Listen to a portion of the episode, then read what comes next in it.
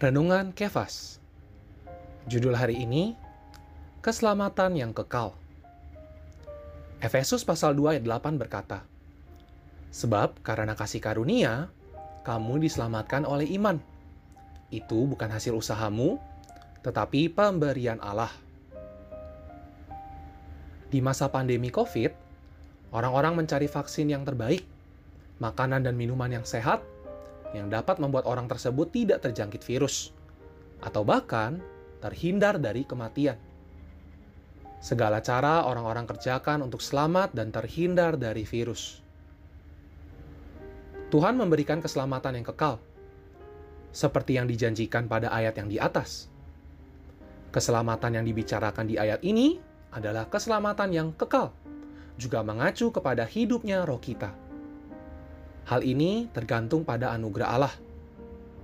Karena mengasihi kita, Allah memberi kita anugerah, dan anugerah ini menjadi sumber keselamatan kekal kita.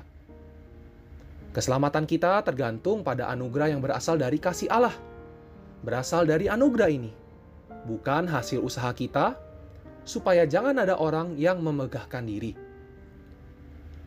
Segala usaha manusia kerjakan supaya selamat dari kematian jasmani Bagaimana dengan roh kita? Apakah kita juga peduli? Sobat Kefas, kita perlu mengucap syukur atas keselamatan yang kekal yang Tuhan janjikan kepada kita. Bukan dengan jerih lelah kita, melainkan anugerahnya yang diberikan kepada kita. Terang hari ini. Satu, sudahkah kamu menerima iman ini?